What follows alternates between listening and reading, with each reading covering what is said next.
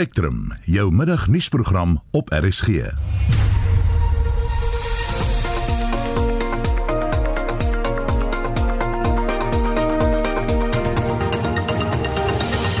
Goeiemiddag. In die program 'n veearts in Bloemfontein praat oor die noodlottige gevolge van die Vrystaat brande op boere se diere. Ons praat van rooi bokke, swart wildebeeste, gemsbokke, springbokke. Julle trop blesbokke wat weg is, 'n trop gemsbokke wat weg is wat nog nie gevind kan word nie. Ons hoor by 'n ekonoom en 'n politieke ontleder wat hulle dink van die president se ekonomiese herstelplan wat gister bekend gestel is. En wat verwag ontleders van die laaste verkiesingsdebat tussen Amerika se president Donald Trump en sy teenstander Joe Biden? 'n Mens hoop dat Biden 'n bietjie leiding gekry het om baie duideliker en baie meer elegante standpunte in te neem en homself nie toe te laat om deur die modder gesleep te word deur Trump. Welkom. Die span in die ateljee is redakteur Marlenae Forsie, produksieregisseur Lewona Bekes en ek is Marieta Kreer.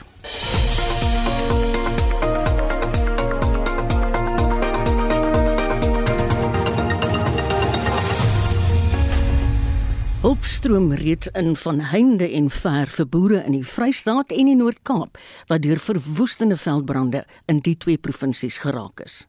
Die Parlement se portefeulje komitee vir landbou en plaaslike ontwikkeling het vroeër 'n beroep op die minister van landbou gedoen om die gebiede as rampgebiede te verklaar.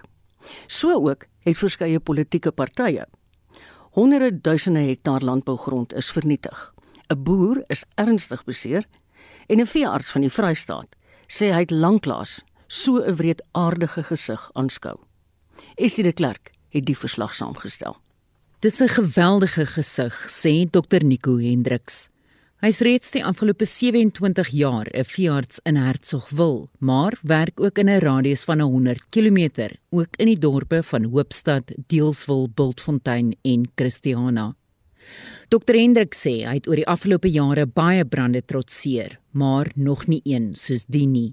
Baie diere is nog soek, selfs groot troppe wild, soos 'n hele trop gemsbokke wat gehardloop het en verdwyn het. Hy sê hulle moes baie diere met noodslagtings van kant maak, maar talle van die diere is so deur die brande getraumatiseer dat hulle op die vragmotors op pad na die slagpale vrek. Ons het waarvan ons bewus is van die een brand van die drie brande wat in die omgewing was, het ons nagenoeg so 250 beeste het sy dood of wat moes uitgesit word. Noodslagting moes gedoen word. Onder daai beeste is Brangus toetbulle wat volgende jaar die ou se produksie veiling moes kom. Daar's Wagyu beeste wat embryo geteelde goed is. So baie van die goed is waardevolle goed. Ek meen 'n gemiddelde prys van 'n dragtige koei of 'n koei met 'n klein kalfie is vandag tussen 18 en 25000 rand werd. Een kliënt het altyd sy plase verloor waarvan daar omtrent bykans 100 beeste net op by die een ou dood is. Ou kan vir jouself die som maak. Heelwat wild waarmee boere 'n bestaan maak, het ook doodgebrand. Ons praat van rooi bokke, swart wildebeeste, gemsbokke, springbokke. Julle trop blesbokke wat weg is, 'n trop gemsbokke wat weg is wat nog nie gevind kan word nie. So dit is maar nog bietjie deurmekaar tussen die roete en die as om alles bymekaar te kry. Baie van die diere is erg verbrand en moes uitgesit word. 'n Klomp probeer ons kyk wat ons kan behandel. Ons moet sê deur die genade het ons geweldige klomp mense wat belangstel om te kom help. Mense van die staatsveeartse kant af, privaat veeartse bykans reg oor die land wat my bel en vra of hulle kan kom hand gee. Dis net nog bietjie deurmekaar, so ons kan nog net nie alles doen nie. Ons het maatskappye gekry wat vir ons skenking skenkings gegee het, privaat ouens wat skenkings gegee het van medisyne om te help. Dr Hendrik sê talle skape het ook doodgebrand en die wat beseer is, probeer hulle behandel. Die omstandighede lyk maar oes daar buitekant, die gesig wat 'n ou elke dag sien is nie baie mooi nie, maar uh, deur die genade kry ons krag en ou gaan aan. Jy gaan vorentoe en daar is geweldig baie reaksie van reg oor die land. Ek meen uh, ons het uh, ek weet van mense wat van Pietersburg af voer aanstuur. Ons het geweldig baie voerskenkings gekry en die mense onder mekaar, die boere onder mekaar help mekaar. Uh, baie van hierdie troppe beeste sal weggery na ander plase toe. So daar's uh, geweldig baie hulp en ons is bitter dankbaar vir elke persoon wat sy hand uitreik. Hy sê hy dink die toekoms lyk finansiëel gesproke duister vir van die boere wat totale kuddes verloor het. TLISA het intussen 'n beroep gedoen op Suid-Afrika om boere by te staan. Die voorsitter van die organisasie in die Vrystaat, Bertus van Westhuizen, sê boere benodig veral voer, medisyne vir diere en donasies. Hy sê dis ongelooflik hoe Suid-Afrikaners se harte en hande oopgaan in tye van krisis. Jy weet so 'n ramp kom onverwags En ek dink ons moet ook leer uit dit wat nou gebeur. So 'n distrik, jy weet ons sal moet ons logistiek regkry. Ons sal ons beplanning moet regkry. Ek is 'n voorstander daarvan dat hierdie hulp na 'n sentrale punt toe moet gaan en dat daar seker gemaak moet word dat die regte persone die hulp ontvang. Die mense wat die hulp nodig het, moet daardie mense met die hulp ontvang. Want die mense wat hierdie hulp skenk, gee dit met die vertroue dat dit op in die regte hande sal beland. Die afgetrede ortopeed Dr Gerard Nel wat in die Hoopstad Bultfontein Hertsgwil omgewing boer en self baie skade op sy plaas gelei het, sê dit gaan vandag al baie beter met sy 25-jarige seun Tewie. Hy het derde graadse brandwonde aan sy arms en bene en tweede graadse brandwonde aan sy gesig opgedoen toe hy 'n brand bestry het. Tewie is in die intensiewe sorgeenheid van die Rosepark Hospitaal in Bloemfontein. Dit gaan elke dag beter met TV en ons het elke dag nuwe hoop met die verbetering wat daar by TV is. Al wat ek ook wil sê, dis 'n ongelooflike ondersteuningsraamwerk wat deur hierdie land opgespring het na sy ongeluk en na die brande. Die mense vorms gebedsgroepe wat ongelooflik is. WhatsApps kom van oral, telefoon ou nooit op lê nie en voerskenkings word van oral af aangebied. Daar is net een ding wat almal moet onthou. Dit sal wel weer reën en die gras sal wel weer groei, maar die fisiese en emosionele letsels wat so 'n kind optel met so 'n brand sal nooit herstel nie. Dit was die afgetrede ortopeed Dr Gerard Nel wat in die Hoopstad Bultfontein Hertsgwil omgewing boer. En ek is Estie de Klerk vir SAK nuus. Nadat die regering se nuwe ekonomiese herstelplan gister in 'n gesamentlike sitting van die parlement gedebatteer is, wonder ekonome en politieke ontleeders wat die plan vir volgende week se mini-begroting inhou. Ons praat nou hier oor met Dawie Rood van die Efficient Groep. Goeiemôre Dawie. Goeiemôre Marita. Hoekom reken jy het ons hierdie gaping tussen die rooskleurige plan wat president Ramaphosa aan die land voorhou en die wyse waarop die oppositie daarop gereageer het? Ja, wel maar jy weet die oppositie is die oppositie en hulle werk is natuurlik om die regering te kritiseer en soos baie mense sou verwag het, was daar 'n hele klompie kritiek van die oppositiebanke geweest en dit is heeltemal korrek en reg so. Daar's een of twee goedjies wat ek dink die oppositie nog wel gesê het wat ek mee kan saamstem en ek neem maar gewoonlik wat hulle sê met 'n knippie sout, maar een of twee goed is sekerlik die waarheid. Een van is dat daar word voortdurend gesê die president se toespraak ook het hy gesê dit is die dit die die pandemie of die virus wat gelei het tot die ekonomiese ineenstorting in Suid-Afrika wat natuurlik nie die geval is nie. Die die die, die virus het 'n swaarlike impak op die ekonomie gehad wat die werklike waarheid is is dat die Suid-Afrikaanse ekonomie baie diep in die moeilikheid alreeds was voor uh dat wat ons eers gehoor het van 'n plek met die naam van Wuhan. Uh so die Suid-Afrikaanse ekonomie was al reeds in 'n resessie geweest. Ons was al reeds in die moeilikheid en ons was al reeds in die moeilikheid geweest as gevolg hoofsaaklik van die wanbestuur van die regerende party. 'n Tweede ding wat baie belangrik is, is dat jy die die verdere ineenstorting van die Suid-Afrikaanse ekonomie is ook nie as gevolg van die virus nie, dit is as gevolg van die inperking. Die inperking het jy ineenstorting in die in die ekonomie tot gevolg gehad en nie die virus soos wat die president voortdurend sê nie. Maar maar maar so daardie opmerking wat hierdie oppositiepartye nogal uh, voortdurend gemaak het, stem met nogal heeltemal meer saam. Wat sê jy sê is die pro rata gewig? Wel, ons sonder enige twyfel die inperking het by verre die grootste impak gehad op die Suid-Afrikaanse ekonomie, maar dit beteken nie wat voorheen gebeur het nie ook belangrik nee, is nie. Wat, ja, ja. ja, wat voorheen gebeur het, het ons natuurlik in 'n posisie gestel waar ons nie iets kon doen of veel kon doen aan die in een sorting van die Suid-Afrikaanse ekonomie. Eintlik wat ons nodig het onder hierdie omstandighede is nie net 'n uh, Wel eintlik het die president maar net 100 miljard rand se addisionele pakket aangekondig, maar wat ons eintlik nodig het is so iets soos 2 miljard rand. Mm. Se mm. se addisionele staatsbesteding om die ekonomie in die gang te kry. Ons het net eenvoudig nie daardie beweegruimte om dit te doen nie, om die ekonomie in die gang te kry. So dit mens kan nie die een uh geval of die een tydperk net eenvoudig losmaak van die ander tydperk. Dit is eintlik 'n dit is eintlik 'n 'n klomp verkeerde besluite wat oor 'n lang tydperk kom. Mm. Kyk, dit is sodat die oppositie wel 'n verantwoordelikheid het om te help dat die plan effektief in werking gestel word. In hoe mate dink jy kan hulle 'n verskil maak?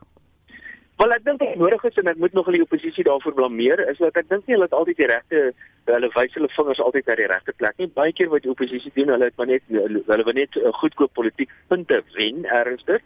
Um, en dan hulle is baie huiwerig die die oppositie om goeie te sê soos byvoorbeeld daar's te veel staatsamptenare of daar te die mense by Eskom word te veel betaal. Of sulke goeie dit is wat oppositiepartye tipies nie sê nie. Wat in die proses dis baie makliker om hierdie goeie te sê as jy in die oppositiebanke is, is dan natuurlik baie moeiliker om dit te doen as jy werklik waar die regerende party is. Maar iets wat ek nogal dink dat die oppositiepartye nagelaat het om te doen, is dat hier nou hierdie vreeslike ekonomiese plan wat die president op die tafel gesit het. Ons gaan onder andere klomp geld spandeer uh, op al van openbare werke waar ons die mense gaan kry om die paaie skoon te hou, die parke skoon te maak en vla vla te waai en dis meer en, en ons gaan dit doen in 'n omgewing waar die plaaslike owerhede heeltemal disfunksioneel is byvoorbeeld. Mm. Ou waar die staatsbeheerde instellings swak bestuur word of waar nasionale departemente swak bestuur word. Byvoorbeeld onderwys is 'n goeie voorbeeld waar ons vreeslik baie hulp gaan aanstel vir die onderwysers Maar ons spandeer al reeds van die meeste in die wêreld op onderwys en die kwaliteit van onderwys is baie swak. So die punt wat ek wil probeer maak is eintlik behoort ons nie eens 'n ekonomiese herstelplan te hê nie. Eintlik wat ons behoort te hê is 'n president wat sê dat ek is die hoofstaatsamptenaar en ek gaan sorg dat die staatsdienste minste weg reg werk. Ja. Dit maak dit maak nie sin om meer geld te spandeer uh, deur organe wat in elk geval heeltemal disfunksioneel is. Ja, dan gooi jy dit eintlik in 'n bodemlose put. Davie, watter uitwerking sal hierdie plan dink jy hê op volgende week se mediumtermynbegroting van die minister van finansies, Tito Mboweni? Ja, jong, maar het jy as heel wat ander goedes wat ook inwerk op hierdie op hierdie mediumtermynbegroting van die minister wat nie regtig 'n begroting is nie. Dis net 'n geleentheid vir die minister om terug te rapporteer hoe die staat se finansies daar uitsien. Ehm um, uh, ek dink wat ons almal moet besef en dit het eintlik ook al reeds gebeur voor die eh, die eh, die, die, die pandemie of dan nou die die Grendelstaat is dat die staatsfinansies in 'n totale totale gemors is. Dit is nou net baie baie erger. Uh ons weet die staatsinkomste is onder geweldig baie druk en dan is daar hierdie reuse druk op die staatsuitgawes. So ons weet van ten minste 100 miljard rand wat ernstig vandaan gekry moet word en dan is daar ook vrae soos byvoorbeeld, hoe gaan Eskom se skuld en elke keer skoppel hierdie bal af van die straat? Hoe gaan hoe gaan Eskom se skuld op 'n of ander manier hanteer word? Ek glo nie die minister gaan dit ook hanteer hierdie spesifieke vraag nie. So so op die ouend is dit maar net hoe groot hoe hoe ernstig is die ekonomie en die moeilikheid? Hoe diep is daai groot fiskale gat en waar gaan jy die geld kry om dit te finansier? En dit is alles moeilike moeilike vrae daai. Ek dink op die ouend wat ook al in die begroting of in die toespraak van die minister gaan wees volgende week, daar ek kan op geen manier sien hoe daar enigstens ernstig goeie nuus kan wees nie. Baie dankie. Dit was 'n ekonom Dawie Rood van die Efficient Groep. Maar ons bly by hierdie onderwerp en nou gaan ons uit 'n politieke oogpunt praat, wel met die beleidsanalis Theo Venter van die Noordwes Universiteit se Sakeskool. Goeiemôre Theo. Goeiemôre. Wat was jou hoofindrukke van gister se debat? Wel, in die eerste plek is dit 'n verpligte debat. Ehm um, met ander woorde, die president het die week van tevore 'n gesamentlike sitting toegespreek en ehm um, die parlementêre prosedures vereis dat hy dan die toespraak wat hy hou ehm um, daarna bespreek, vra antwoord en die oppositiepartye kans gee om hulle mening te gee. So dit is nie asof hy dit wou doen of uh, uit sy eie wil uit gedoen het nie, dis die parlementêre prosedure.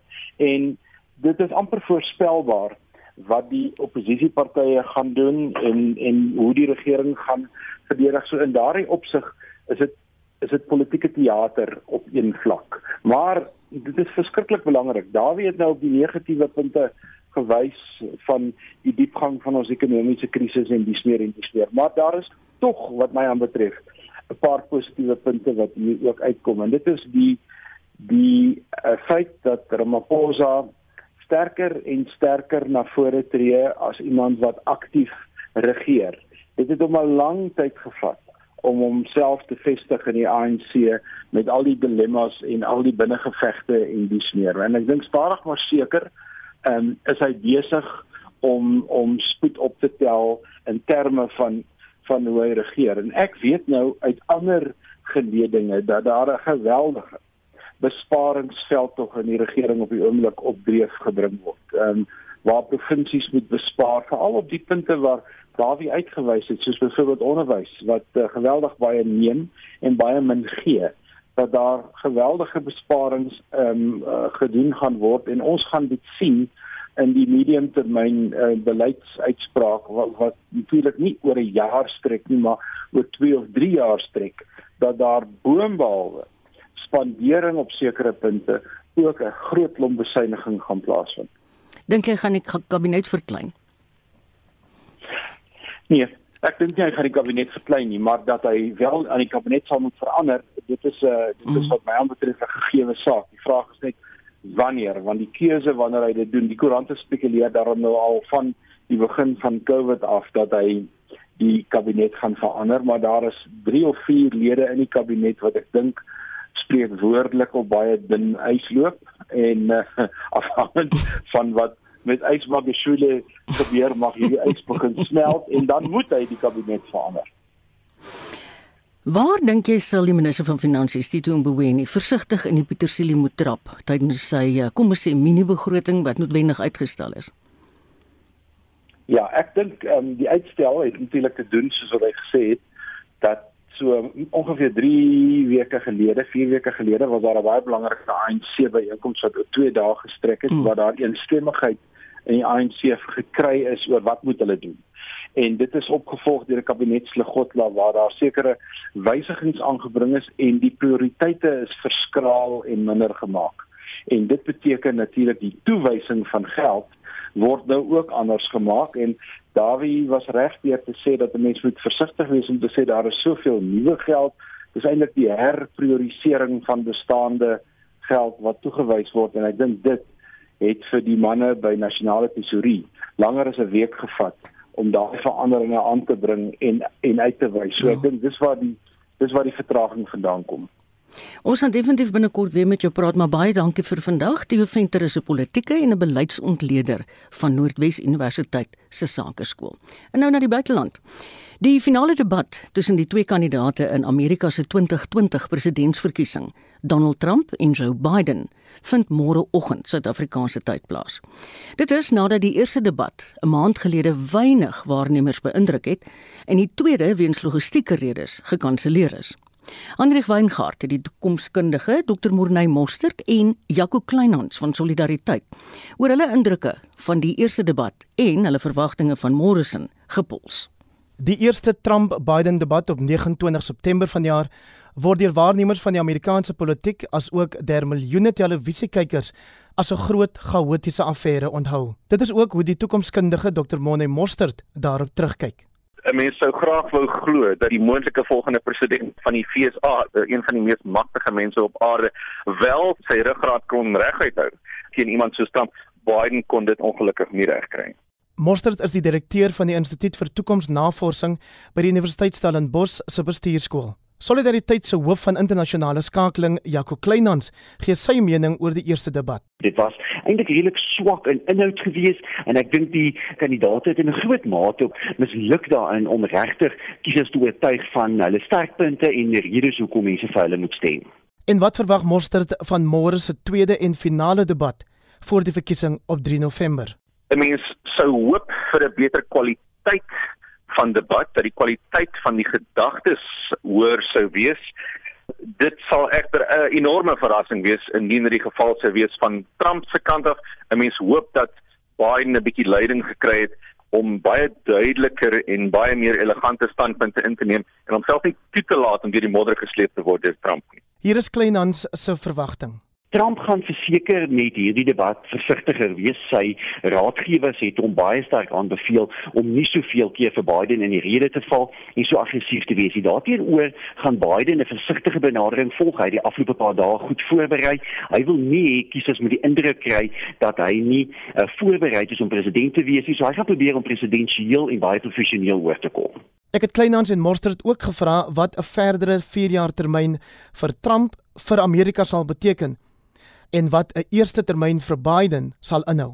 President Donald Trump het die afgelope 4 jaar eintlik bewys dat hy nie bang is daarvoor om die gevestigde politieke orde in Amerika uit te daag nie. Indien hy tot nog 'n termyn verkies word, gaan hy waarskynlik aanhou om dit te doen met beide sy binnelandse en sy buitelandse beleid. Hy sal voortgaan uh om dinge te doen en vrae te vra wat baie mense sal ontstel, maar wat verseker die die politieke landskap sal verander. Daarteenoor gaan ons met uh die verkiesing van Joe Biden sou hy die president word, waarskynlik sien dat ons gaan terug te weer na die e-, era van Barack Obama toe uh, daar baie sterk gefokus is op goeie internasionale samewerking, die belangrike rol van internasionale organisasies en die fokus van Amerika gaan baie meer na buite as na binne wees. Mortet se siening is as volg. Ek dink 'n mens kan twee geweldig uiteenlopende scenario's skep. Ons sou graag wou glo dat indien Biden die president raak, dat dinge soos beklemtoning van die klimaat, een van die grootste kwessies van ons tyd en 'n groter waardering van die wetenskap baie meer aandag sou geniet. Onder Trump is daar geen indikasie dat sy populistiese beleid enigsins sou verander nie en alhoewel daar van tyd tot tyd sekere pieke in die ekonomie sou wees, dink ek in die medium tot lang termyn sal dit wel tot enorme skade lei vir die FSA. Die debat vind môre oggend omstreeks 3 uur Suid-Afrikaanse tyd plaas. Ek is Hendrik Weingart vir SAK nuus. Jy luister na Spectrum elke weekmiddag tussen 1 en 2. As jy pas mos ingeskakel het, ek neem net waar terwyl Susan bietjie uitspan en met vakansie is. Die afgetrede ortopeed, Dr Gerard Nel, sê dit gaan beter met sy seun nadat die beseer is op hulle plaas tydens die erge brande in die Vrystaat. Net een ding wat almal moet onthou, dit sal wel weer reën en die gras sal wel weer groei, maar die fisiese en emosionele letsels wat so 'n kind optel met so 'n brand sal nooit herstel nie. Later in ons program Agri SA nader die nasionale tesourie om in te gryp om die volhoubaarheid van die landbank te verseker. En die nie-regeringsorganisasie Equal Education reageer op die skokkende onthullings wat uitgekom het in die hofstryd om subsidies vir kleuterskole. Daar was areas wat ons van bewus geraak het wat kinders letterlik gras geëet het en springkane geëet het om iets in hulle maggies te kry. En Transnet is steeds in die kollig by die kommissie van ondersoek na staatskaping bly gerus ingeskakel. RSG wil graag weet wat jou sportvoorkeure is. daarmee kan ons ons sportuitsendings nog meer relevant maak vir jou. Jy het twee opsies. E-pos gerus jou vier sportsoorte in volgorde van belangrikheid na pieter@rsg.co.za. Dis pieter@rsg.co.za of SMS die woord sport en jou vier sportsoorte in volgorde van belangrikheid na 45889. Die nommer is 45889. Elke SMS kos R1.50. RSG Sport net vir jou. Nikotienverslawing, met ander woorde om te rook, is nog steeds 'n verslawing, net soos alkohol of dwelms. So hoekom word dit in die samelewing aanvaar dat dit die makliker verslawing is om te los. Kom vind uit in die volgende episode van Wie is ek? Hoe om dalk op te hou met rook. Hoe om hierdie groot taak aan te pak en hooplik 'n sukses daarvan te maak. Dis Wie is ek? Vrydag 12:30 net hier op RSG nuus sopas ontvang. Die minister van Gesondheid, Dr. Zweli Mkhize, sê in sy jongste media-verklaring hy is bekommerd oor die toename in COVID-19 gevalle die afgelope week. When the levels of complacency go up, then we start seeing the virus start finding a foothold. Hoekom moet Suid-Afrikaners nie nou slaap lê met hande was en maskers dra nie? Ons kan maar verwag dat daar 'n tweede vlaag gaan wees, as dit net te erg het gaan wees, nie? En ons moet aangaan met ons lewens en die ekonomie moet voortgaan is nou baie baie belangrik dat elkeen die voorkomende maatreëls in hulle hande neem. Spectrum, jou middagnuus aktualiteitsprogram, weksmiddag tussen 1 en 2 net op RSG. Die getuienis oor staatskapingsgebeure by Transnet duur vandag by die sitting van die Zondo-kommissie voort. Yusuf Leher, hoof van finansies by Transnet Freight Rail, het vanoggend voor die kommissie ontken dat hy die outeur was van 'n memorandum waarin die destydse Transnet Raad versoek is om 'n 1 miljard rand stygings in 'n Transnet ooreenkoms vir lokomotiewe goed te keur. Ons verslaggewer, Naledi Nkobo, volg die verrigtinge. Good afternoon, Naledi. Good afternoon, Marieta. In brief, what is the latest on Yusuf Leher's testimony? Well, Yusuf Leher, you know, as the finance manager at Transnet at the time uh, of the locomotive tender, says he was quite surprised when uh, then former uh, Transnet chief financial officer uh, Anuj Singh, uh, gave them, you know, a presentation that each of the locomotives that they were going to buy would actually cost the company 3 million rand more than what Lehe had actually calculated. But what he says is that he, he although he was surprised about the 3 million price increase per locomotive, he he did not question, uh, uh, you know, Singh's decision and the fact that you know he had made this final decision to buy the locomotives at such a high price.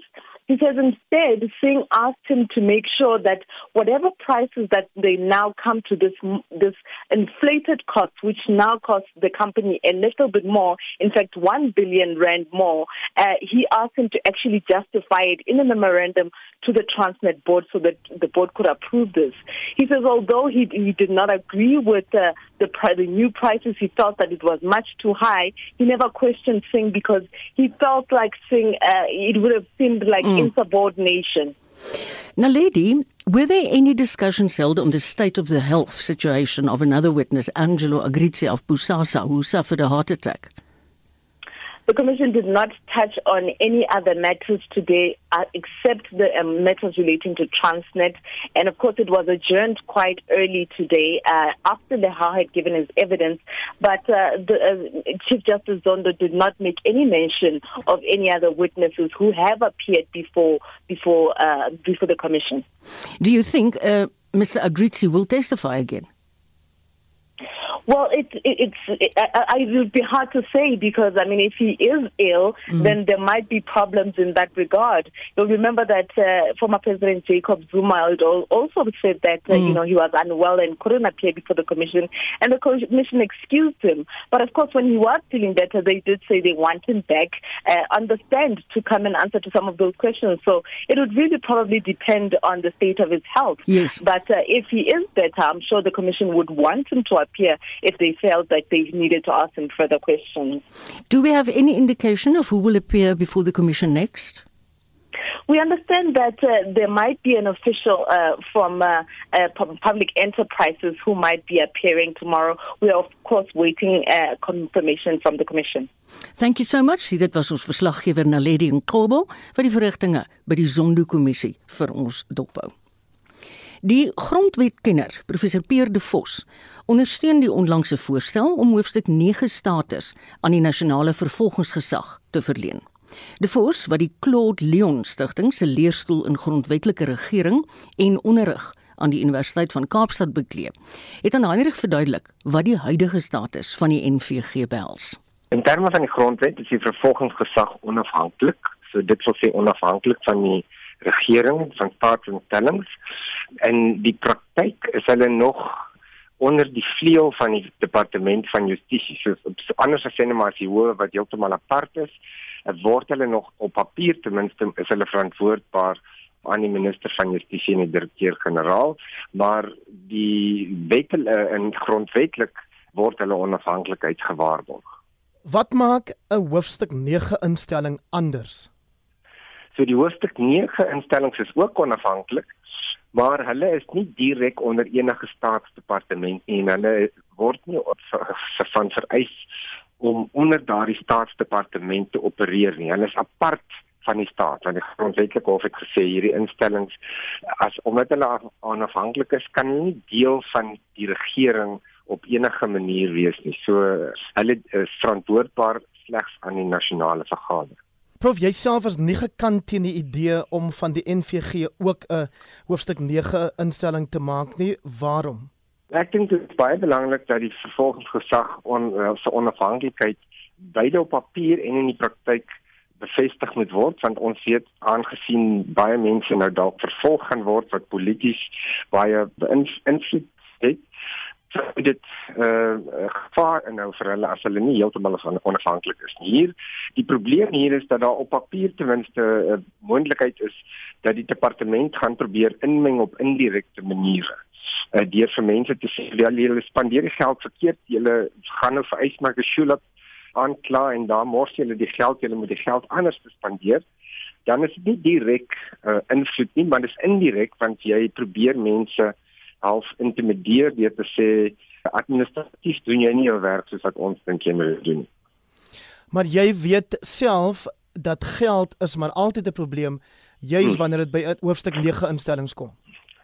Dit is korrek. So daar is natuurlik 'n probleem in die hierdie instellings klaar altyd hulle kry genoeg geld nie.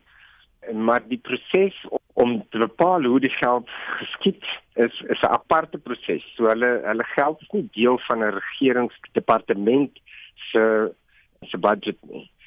So daar gaan altyd konflik wees, maar daar's net minder gevaar dat die konflik nie gaan lei tot 'n indirekte inbreukmaking op die onafhanklikheid van die instelling nie. Prof se ons verwys altyd na jou hoofstuk 9 instellings as sogenaamde waghondorganisasies. Hoe sal die hoed pas op die kop van die NVG? Ja, kyk, ek dink nie mens moet te veel maak van die, die argument dat die NVG soos uh, hoofstuk 9 instelling moet wees nie, want daar's verskille die uh, NVG is iemand wat 'n ander tipe taak verrig. So dit gaan nie oor die taak wat verrig word nie, dit gaan eintlik oor die manier hoe die onafhanklikheid beskerm word. Ek dink nie hulle moet deel word van die hoofstuk 9 instellings nie. Dit sou absurd wees. Dit is 'n ander tipe instelling, maar die tipe onafhanklikheid behoort min of meer dieselfde te wees. Beide waar hulle geposisioneer is en hoe die prosedure wat voorgestel word om teen van uh, mense uit hulle ampte onthef as hulle nie hulle werk oordentlik doen. En dit was 'n grondwetkenner professor Pierre de Vos van die Universiteit van Kaapstad. 'n Senior vernoot by die regsfirma Adams and Adams, Shani van Niekerk, sê daar's 'n drastiese toename in aansoeke om egskeidings wat deur die firma hanteer word. Van Niekerk sê wat die water nou verder vertroebel, is dat die ekonomiese toestand in die land mense nou noop om te emigreer en die stryd om toesig oor kinders word verder bemoeilik. Ek dink in ons praktyk en ek spesialiseer spesifiek in familiereg, egskeiding en kinderreg en ons is besigger as wat ons nog ooit was. En is dit direk as gevolg van COVID-19 en mense wat in inperking moes leef? Ja, ek ek dink nie dit is noodwendig COVID wat die oorsaak is nie, maar tog gewoonlik in huwelike wanneer finansies 'n bietjie moeilik raak, dan is daar ekstra spanning op 'n paartjie. Maar wat ek uh, ervaar as ek so luister na my kliënte, is dat in 'n normale dag lewe mense by mekaar, jy jy gaan net aan. Waar COVID en die inperking het mense forceer om 'n bietjie tyd saam te spandeer en te dink oor wat hulle in die lewe wil hê terwyl jy gewoonlik net aangegaan het, gaan werk, maak kos, gaan slaap en gaan aan, was jy nou forceer om 'n bietjie te dink, is hierdie werklik wat ek vir die res van my lewe wil hê? En baie paartjies het net na so baie tyd besluit net hierdie is nie wat ek wil hê nie. Ek dink ek kan gelukkiger wees. Maar hierdie het bepaalde uh gevolge. Onder andere is dit uh kinders en en wat gebeur met kinders in 'n egskeiding veral as jy byvoorbeeld oor 'n provinsie se grens moet trek, maar die kinders bly in 'n ander stad of dorp. Uh, hoe hoe wat is die impak hiervan? Wat wat moet mense weet? Dit is vreeslik moeilik en ek dink mense moet besef dat wanneer daar 'n egskeiding is en mense hulle jy weet een hoofstuk sluit en 'n nuwe hoofstuk begin, is dit nie net altyd 'n jy weet 'n nuwe haarsny en 'n nuwe klerekas nie en soms moet mense trek weg van mekaar af. Party mense trek na 'n ander provinsie toe en deesdae wat ons sien is 'n verskriklike toename in partye wat wil oorsee gaan. Die moeilike ding is, is dat die, die kinderwet maak nie spesifieke voorsiening vir die prosedure vir as een persoon wil oorsee gaan of na 'n ander provinsie toe met die kind nie. Die kinderwet maak voorsiening dat indien 'n ouer wil oorsee of immigreer, moet beide partye toestem, maar daar's geen sulke prosedures as dit net na ander provinsie is. Watse tipe probleme kom julle te? Dit gebeur ongelukkig dat byvoorbeeld kom ons gebruik ma as 'n voorbeeld, sy ontmoet 'n nuwe man en haar nuwe man kry 'n wonderlike pos in sê Kanada. Nou wil sy saam met haar nuwe man immigreer Kanada toe. Die impak op die pa wat agterbly in Suid-Afrika is geweldig. Dit jy weet waar hy gewoonlik sy kinders elke 2 weke sou sien jy weet is dit onmoontlik om te sê hoeveel hy sy kinders gaan sien terwyl hulle in Kanada sit. Dan as die ouer wil oorsee gaan dan moet beide partye toestem. So maak een van twee opsies of sy bly net bloot in Suid-Afrika of sy moet die hof nader om die pa te forceer om sy toestemming te gee vir die erfvestiging. Jo, wat sê die wet oor hierdie saake? dit is wat die moeilikste ding is. Dit is 'n totale lakuna in die wet. Dit sê niks daarvan. Al wat die wet sê is dat die beste belange van die kind is die oorheersende faktor en slegs as dit 'n oorsee gaan is, dan moet beide partye toestem. So op hierdie stadium hanteer die howe dit op 'n saak vir saak basis. Elke saak se eie meriete en die hof maak self al 'n bepaling wat is in die beste belange van die kind. Verskeie faktore word in ag geneem, die die die rede vir die hervestiging, die impak op beide partye, die die moontlike jy weet, toekomsplanne vir die kind, die geleenthede wat die kind kan hê. Maar om te sê wat gaan gebeur is 'n raaisel. Op 'n internasionale vlak is daar ook wetgewing wat dit beheer en na kyk? Wel, nie werklik. Al wat daar werklik is is die Haagse konvensie wat so 'n ampere oorkoepelende stel reëls is vir wanneer 'n kind uit 'n land geneem word sonder toestemming. 'n Hele paar lande is deel van die konvensie waarvan Suid-Afrika is wel een van daardie lande en sou die ouer kom ons vat weer die voorbeeld 'n kind Kanada toe neem sonder die pa se toestemming kan die pa die Haagse konvensie nader om sy kind terug in Suid-Afrika te kry. Wat belangrik is om te onthou is dat die Haagse konvensie se oorkoepelende belangrikste faktor is weer eens die beste belange van die kind en dan sal dit weer bepaal word ja die kind is dalk onwettiglik uit die land geneem maar is dit nie dalk in die beste belang van die kind om wel uit die land geneem te wees nie. Jy raad aan mense wat tans met hierdie kwessie sit. Moenie die reg in jou eie hande neem nie. Doen die proses stadig, rustig dat dit die minste moontlike trauma vir al die partye, jy weet, daarstel.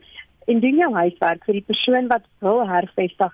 Maak seker dat jy uitvind watter skole is daar, jy weet, is daar plek in die skole vir jou kind? Waar sal jy bly? En nader die ander party dan met feite. Nie net die pa bel en sê, "Haai, hoorie, ek gaan oorsee, jy gaan jou kind nou net een keer elke 2 jaar sien nie." Jy moet nader die pa met feite, met 'n met 'n plan. En ek sal ook voorstel kry 'n prokureur wat wat die proses ken en jou kan help deur die proses.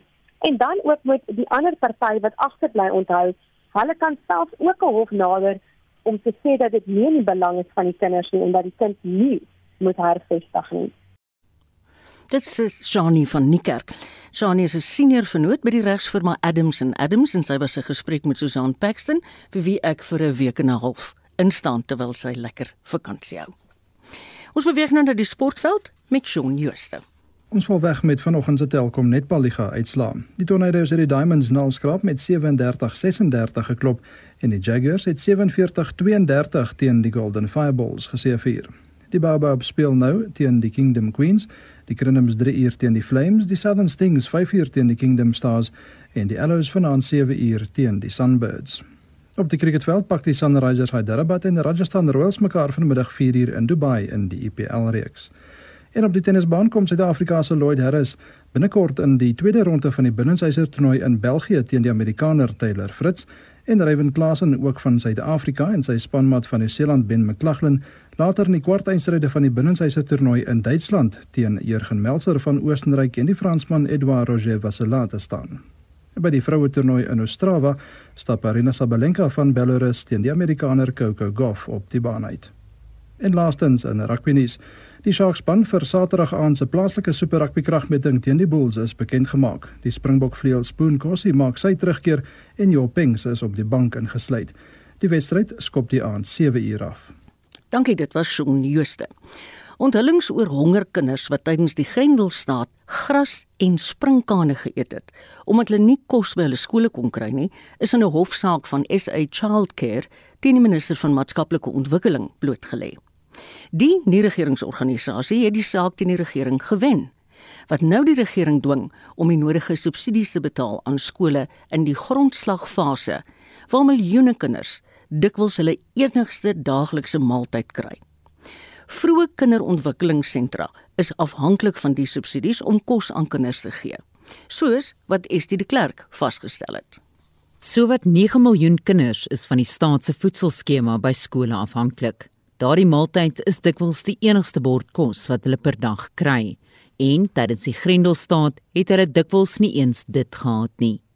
Boonop word vroeë ontwikkelingssentrums soos kleuterskole nie volkome deur die voedselskemas ondersteun nie en is die instellings van staatssubsidies afhanklik om kos te kan voorsien. Die Johannesburgse Hooggeregshof het gister beslis dat die minister van maatskaplike ontwikkeling, Lindiwe Sisulu, asook verskeie ALR in die departement hulle plig versuim het deur subsidies tydens die inperkingstyd te weerhou.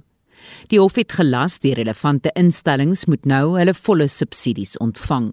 Maar die kinders het honger gely tydens die Grendeltyd.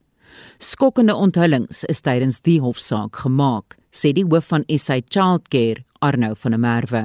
Daar was areas wat ons van bewus geraak het wat kinders letterlik gras geëet het en springkane geëet het om iets in hulle maggies te kry omdat hulle nie by die skole word kos kan kry nie. Dit is hoe sleg die sektor homself bevind tans. Daarom hoop ons dat die subsidies so vinnig as moontlik uitgebetaal gaan word en dat die staat nie sal verder sloer op op die betalings van dit nie. Die medehoof van navorsing by die nie-regeringsorganisasie Equal Education, Renay McFarlane, sê dit was onvermydelik dat hierdie kinders deur die Grendeltyd geraak sou word, maar sy is geskok. Equal Education itself baie moeilike stories gehoor van leerders in publieke skole wat geaffekteer is toe die nasionale skoolvoedingsskema tydens die Grendeltyd toegemaak is. So ons weet dat kinders baie baie moeilike omstandighede uh, tydens hierdie tyd deurgemaak het, maar geen kind behoort so desperaat gelaat te word dat hulle uh, gras of sprinkane hoef te eet nie en en dis werklik eintlik 'n veroordeling op ons almal dat in ons samelewing kinders deur so iets kan gaan. Daar is spesifieke voedselgroepe wat ingesluit is by die staat se voedselskema, sê McFarlane. Daai maaltyd moet stysel, 'n proteïen en 'n vrugte of groente porsie insluit. Dit is 'n program waar baie kinders staat maak vir die enigste maaltyd wat hulle op 'n dag ontvang. Daai program is tydens die Grendeltyd en die gepaardgaande sluiting van skole um gestaak en dit het 'n geweldige gevolge gehad vir kinders wat gewoonlik op daai program staat maak. Die maaltye sluit dikwels kos soos soja maalvleis, hoender, rys, stampmielies of pap om 'n gebalanseerde maaltyd te vorm. Die meeste vroegontwikkelingssentrums word privaat bedryf en bestuur en kwalifiseer nie vir die nasionale voedselskema van die staat nie, sê McFarlane. Daar is wel 'n subsidie wat party uh vroeë ontwikkelingssentrums ontvang en 'n porsie van daai staatssubsidie gaan spesifiek vir voeding, maar daar's 'n groot hoeveelheid voedingsskemas wat nie daai subsidie ontvang nie en hulle was tydens hierdie tyd afhanklik daarvan om fooie in te win en ons weet dat selfs in die skoolsektor, maar veral in die vroeë ontwikkelingssektor was dit 'n groot probleem dat ouers nie fooie tydens hierdie tyd wou betaal of kon bekostig nie. En dit het baie vroeë ontwikkelingssentrums in baie baie moeilike finansiële posisies gestel. McFarlane sê dit is juis hieroor dat die hofuitspraak so belangrik is. Ek is Estie de Klerk vir SAK nuus. Agri Suid-Afrika het die nasionale tesourie genader om in te gryp om die volhoubaarheid van die landbank te verseker. Die landbank wat byna 29% van die land se totale landbouskuld finansier, het likwiditeitsprobleme. Dit kan beteken dat die bank moontlik nie meer in die toekoms die vermoë sal hê om die landbousektor te ondersteun nie. Ons praat nou hieroor met die uitvoerende direkteur van Agri SA, Christo van der Rede. Goeiemôre Christo. Goeiemôre. Vir hoeveel ondersteuning as ons randwaarde praat, het die landbank aansoek gedoen by die tesourie? Die landbank het uh, vir 'n bedrag van ongeveer 20 miljard aansoek gedoen. Uh, ons hoop en vertrou dat uh, die minister van finansies sy weg sal oopsien om hulle te finansier. Ons weet dat hulle op hierdie oomblik geen nuwe aansoeke uh om die wet oorweeg nie. Mm. En uh, dan weet ons ook uh, dat hulle sit met 'n uh, groot probleem indien hulle nie addisionele befondsing kry nie, sal hulle nie hulle skuldeisers kan betaal nie en hulle sal ook nie die kommersiële boere as ook die hoeveelheid uh, die klein hoeveelheid opkomende boere kan help nie. Christo, wat gaan die gevolge wees? Ek verstaan nou wat jy nou sê van hulle sal nie die boere kan help nie, maar as in die landbank die boere nou nie verder kan finansier nie. Ek meen, waar toe gaan die boere dan? Kyk, uh, dit is uh, wat wat ons sien wat reeds aan die gebeur is is dat jou sterker boere, mense wat finansiëel vermoond is, hulle is uh, jy weet hulle word opgeraap deur jou bestaande banke Maar daar is 'n redelike hoeveelheid boere wat van die droogte en van weer ander finansiële faktore nie 'n goeie kredietrekord het nie. Ja. En jou kommersiële banke is maar baie skugter vir hulle. Maar dit is ook mense wat jy nie kan verantwoordelikheid neem verantwoordelik hou vir hulle omstandighede nie want ons het droogtes en allerlei ander goed gehad wat mense se kontantvloei vermoë ernstig benadeel het. Uh so ons is nog nie seker hoeveel van hierdie boere wel uh die geholpe gaan raak nie. En mense sal dit wel volgende jaar sien. Maar ons uh jy weet is is, is maar bang dat indien hmm. ons nie uh alle boere gaan help nie, sal dit 'n impak hê op hulle op voedselsekerheid. Jy weet en die ja. persentasie mielies of wat ook al ja, ja, ja. wat jaarliks geproduseer word. Ehm um, jy weet dit is nou vir my interessant. Hulle raai byvoorbeeld die landbank voornemende kliënte aan om elders te gaan aanklop vir lenings. So dit sê vir my die knyp is erg. Maar behalwe dat finansiering wat die landbank voorsien aan boere 'n belangrike rol speel, het hulle tog ook 'n ontwikkelingsrol in die land. Ja, kyk, hulle het uh, oor 'n uh, tydperk het hulle natuurlik die hoeveelheid ontwikkelingsboere, die persentasie het hulle begin opstoot. En ek dink uh, dit staan op hierdie oomblik by so wat amper uh 7 miljard rand. Nou uh jy weet uh, hulle sê ook vir ons dat die uh, uh, nie presterende lenings dit beteken mense wat nie by hulle vermoë is om terug te betaal nie, beloop so wat 6 miljard rand. So ons vermoed daar's 'n redelike klomp van hierdie ontwikkelingsboere wat in die kruip is en wat nie hulle skuld kan terugbetaal nie. En dit hou nie 'n goeie boodskap in mm. vir die toekoms nie want mm. dit uh, gaan uh, dit gaan almal se vertroue in ontwikkelingsboere begin krak. Christo, ek wil oor heeltemal iets anders iets vra. Daar's nou vanoggend uitspraak gelewer in die borgtog aansoek van die twee beskuldigdes in die Brendan Honor moordsaak. Nou borgtog is aan een van hulle toegestaan en die, aan die ander ene geweier. Wat is jou reaksie hierop? Dit is in die eerste plek as Agri SA baie bly dat uh, daai twee verdagtes is wel in hegtenis geneem. Ons is ook baie bly dat hulle hier aan 'n hofproses uh, onderwerp word en dit is altyd ons mening mening dat die mense die proses moet respekteer dat een van hulle wel op borgtog vrygelaat is. Jy weet ek dink die hof het sekerlik goeie redes daarvoor maar ons is baie bly dat die ander persoon wat uh, ek dink hulle het allerlei bewyse teen hom opgestapel dat daai persoon wel nie borgtog toegestaan is nie. Maar ons is van mening dat reg en geregtigheid geskied deur die hofproses en laat ons dit respekteer maar vir ons is dit baie belangrik dat die polisie hulle werk moet begin doen om alle mense op die platteland te beskerm en dat ook die uh, regsproses uh, se integriteit en alle tye beskerm moet word want dit is waar die groter probleem is van mense wat skuldig is aan sekere misdade word heeltemal vrygelaat en dan uh, rig hulle net groter skade aan aan die einde van die dag. Christo baie dankie. Dis is die uitvoerende direkteur van Agri SA, Christo van der Rede. Suid-Afrika se grootste inisiatief om die doeltreffende gebruik van energie aan te moedig, is as die internasionale vereniging van energie-ingenieurs se internasionale projek van die jaar aangewys. Die projek wat in Suid-Afrika begin is, spits hom op die nywerheidssektor toe en het sedert 2011 bygedra tot die besparing van sowat 5,3 miljard rand. Marlene Forsie, vandag se redakteur, berig dat die werk inisiatief is wat al in 2008 begin het, toe die land die eerste keer met beurtkrag kennis gemaak het. Die projek is geloods deur die Nasionale Sentrum vir die Vervaardiging van Skoon Energie in Suid-Afrika, asook die VN se organisasie vir nywerheidsontwikkeling, beter bekend as UNIDO. Pietro de Wet is die organisasie se senior media en kommunikasie spesialis in Suid-Afrika. Die doel van die projek was om nywerheidsinstansies wat die grootste verbruikers van energie en aan en elektrisiteit natuurlik in Suid-Afrika is, te help om die impak van hierdie onderbrekings op hulle besighede te probeer beheer en beperk en dan natuurlik ook om te kyk na stygende kostes van energie en elektrisiteit. Hoe kan dit verminder word? Energiespesialiste word na maatskappye gestuur waar die energieverbruik ontleed word. Ons kyk byvoorbeeld na goed soos pompstelsels stoomstelsels en saamgeperste lugstelsels en so aan en dan werk ons saam met die maatskappy om die energieverbruik van hierdie stelsels te verbeter. Ons kyk ook op so 'n manier daarna dat hierdie verbeterings langdurig is en 'n vreeslike belangrike komponent van die werk wat ons doen is opleiding en die oordrag van kennis aan personeel binne hierdie aanlegte, maar ook aan kundiges elders in die bedryf. Minstens 200 spesialiste en 116 sogenaamde opleiers vorm deel van duisende ander wat opleiding deur die inisiatief ontvang het. Die kennis word dan oorgedra aan soortgelyke projekte wat sedertdien in ander lande geloods is.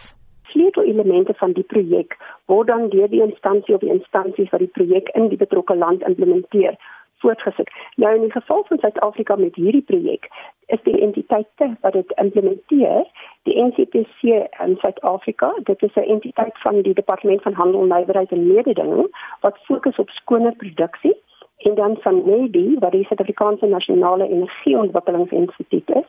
Hulle is agentskap van die Departement van Minerale en Energie. Dit is genoeg om 900 000 middelinkomste huise in Suid-Afrika vir 12 maande van krag te kan voorsien. Die departement spits om nou toe op die volhoubare uitbreiding van die projek. Suid-Afrikaanse deelnemers het sedert die begin van die projek 5,3 miljard rand gespaar, asook 6,5 miljard kilowattuur. Unido se Pietro de Wet in hierdie bydra deur Marlenae Forsie. Nou ja, dan groet ons namens die waarnemende uitvoerende regisseur Hendrik Martin, redakteur vandag Marlenae Forsie, produksieregisseur Lewona Bekes en ons verslagspan Estie de Klerk en Heinrich Weingart. Geniet die res van jou middag in die geselskap van RSG. Ons praat weer 3 uur.